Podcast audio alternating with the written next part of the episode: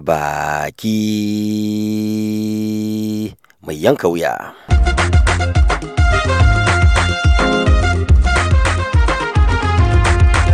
Duk da yake dai babbar jam'iyyar adawa ta PDP a Najeriya ta so ɗaukar matakan sasantawa da ɗaya jigonta gwamnan jihar Rivers Nyesom Wike.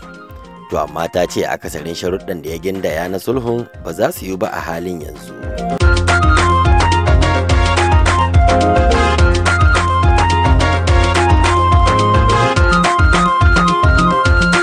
Jama'a Assalamu alaikum.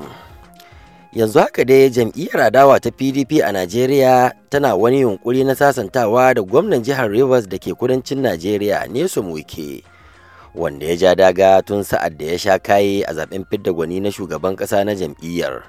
Har yana barazanar taimakawa wajen faduwar jam'iyyar a babban zaɓe mai zuwa. A baya-bayan nan jam'iyyar ta gudanar da taron shugabanninta inda kuma ta kada kuri'ar amincewa da ci gaba da jagorancin shugabanta na ƙasa iyoce ayu tare da kin amincewa da ɗaya daga cikin bukatu da sharuɗan wike na sasantawa to sai dai kuma a lokacin zaman shugaban kwamitin amintattu na jam'iyyar walid jibrin ya bayyana yin murabus daga mukaminsa wanda ya baiwa mataimakinsa adolphus wabara daga kudancin ƙasar damar ɗarewa kan mukamin. Walid Jibrin ya ce ya yi hakan ne domin samun maslahar rikita-rikitar da jam'iyyar ke fuskanta. Mulki na Allah ne, duk abin da ya faru ga mutum ya tsaya ga Allah, wannan abin da na yi na fannin wannan shugaban amintattu Allah ya sa shi ne mafi alheri a gare ni. A dalili na ni mai son zaman lafiya ne, ni mai son haɗa kai ne, ni mai son jam'iyyar mu gaba ne. Kada mu kada mu yadda mu samu saɓani a cikin mu. Yanzu gashi ana ta rikici da maganan wannan wuke da maganan shi saman namu na fati suna cewa dole ya sauka ya sauka. To shi kaman a yanzu ba ɗauki wata mataki na saukansa ba. To ni a nawa nake inda nake kane yadda mulkin nan namu na ptp duk na 'yan najeriya ne. Kowane ɗan Najeriya ya kamata ya samu daman sa bakinsa a mulkinmu da fatinmu. Kada mu yadda mu yi wani abu wanda za mu keɓe waɗansu mutane. Tafi haka na ce to in haka ne ni innan saboda zaman lafiya haɗa kanmu jama'a Najeriya ɗin nan ya zama ɗaya ko ina a samu wani mai mukami irin namu. To akwai zaman namu. Gudan da same da zo muke. Ko wato ma'ana sanata Walid Jibrin idan yanzu tun da ka ajiye wannan mukami ya nuna yana da abin da zai sa jam'iyyar a ce an raba mukamai a sassa daban-daban na ƙasa kenan? Wanda zai zama tilas tunda ne na bari yanzu. Shi wannan shugaban na PDP a mitattu ina ne za kai shi yanzu. Bayan da za kai shi wajen kuma idan akwai nasarar sama yana wajen ko? Kuma shugaban ƙasa insha Allah zai samu nasara shi a ciko.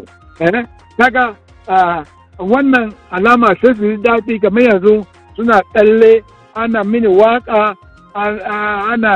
ana ganga a cikin wajen mitin cewa abin da na yi na zama ɗan adam na zama mutumin Allah mai ganin abin da ya kamata a yi rigiman hana su a ci gaba da ni.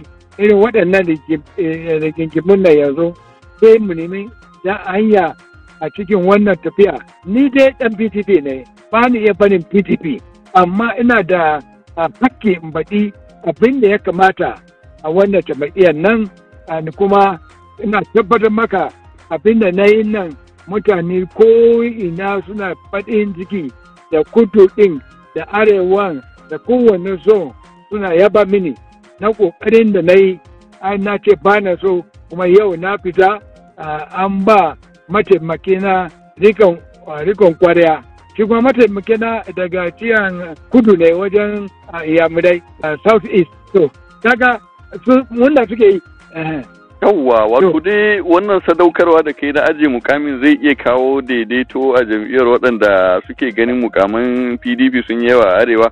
Za su iya rage fitinar su. kenan. Zai daɗa ƙara mana ƙaifi a PDP ƙwarai da gaske wanda ma yana wani tunani to ga caman babban chairman na Mitetu ya bari. To me yake nema kuma?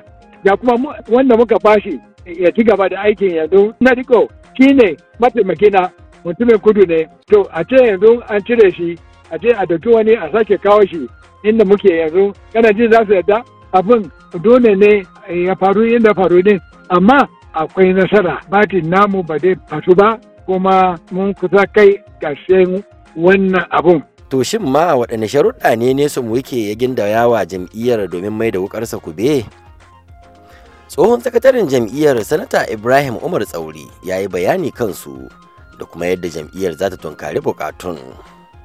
Abun lura a nan shine an yi abubuwa da yawa kuma har kwamiti an naɗa wanda kwamitin na ya amince cewa a ba wike mataimakin shugaban ƙasa. Amma sai hakan ba ta faru ba. Shugaba na ƙwarai yakan yanke hukunci a lokacin da ya dace yanke shi ko da hukuncin ba daidai ba ne. Atiku ya yanke hukuncin da ya yanke daidai lokacin da ya yanke shi. To idan ka yanke hukunci da ba daidai ba a lokacin da ya dace ka yanke hukuncin sai a koma a kama gyara.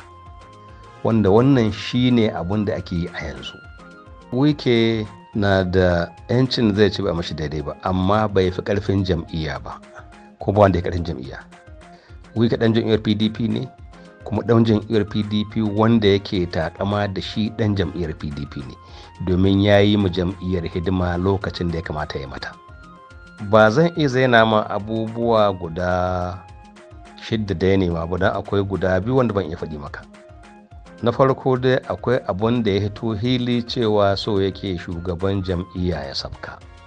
Na biyu shugaban ɗan takararmu na shugaban ƙasa atiku abubakar ya sa hannu zai yi tenuwa ɗaya.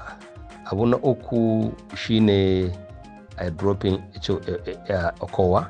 Na huɗu shine kila in an ci zaɓe a bashi sanar president. Wannan su ne guda huɗu waɗanda zan iya faɗa maka biyu ba zan faɗa maka su ba. Amma dukkansu guda hudun nan masu wahalayi ne. Don misali in ka ce a cire ce ayu to gaskiya ne yadda abun ya kamata a yi shine shugaban ƙasa ba zai fito daga sashe ɗaya da na jam'iyya ba. To amma lokacin da za a yi wannan abun ba daidai ba ne. In kuskure ne an yi shi tun daga lokacin da aka yi kwamitin bala ƙaura wanda ya ce shugabancin jam'iyyar pdp shugabancin shugaban ƙasa yanzu a bar shi a wannan karon a ce kowa na iya tsayawa takara kuma kowa tsaya. Abun da suke magana shine sashen wai kenan so suke a cire ayyuce ayu a bayan da cewa manya koma kudancin ƙasar nan. To idan aka yi wannan sai an canza tsarin mulkin najeriya tsarin mulkin jam'iyyar pdp ko kuma sai an kira abun da ake cema national convention. Don me? Tsarin mulkin pdp cewa ya idan shugaban jam'iyya ya aje matsamin shi ko aka kore shi ko ya samu wata matsala ko ya mutu mataimakin shi wanda ya fito daga sashen da ya fito shi zai hau. Wanda damagun kenan zai hau dan arewa ne dan yobe ne. In kawai har za a yi wannan to sai an canza national uh, it means sai an yi sai an yi convention. Wanda muna da wata biyar zuwa shidda ga yin zaɓe ka ce za ka yi babban taron ƙasa. Wannan abun lokacin bai dace ba bai daidai ba. To kenan da alama sulhu da wike zai yi wuya kenan. Ko kuwa kana ganin za a iya samun daidaito a yayin da babban zaɓe ke daɗa karatowa? Ai shaidan kawai ke ba son sulhu. Jam'iyyar pdp ba za ta kyala wike ba. Ana nan ana bin wike gindi gindi gindi gindi ana ba shi haƙuri. Duk wanda ya kamata ya ba shi haƙuri ana ba shi duk wanda ya kamata ya magana ya ji ana mai magana ya mashi magana. Kuma kowa na nan na ma wike magana domin an san halin wike an san wike wane ne shi. Don haka ina tabbatar maka cewa kafin mu fara kamfen ɗinmu za ka tabbatar da cewa wike ya komo ya bi layi domin mu ci zaɓe mu kori apc cikin hikimar allah.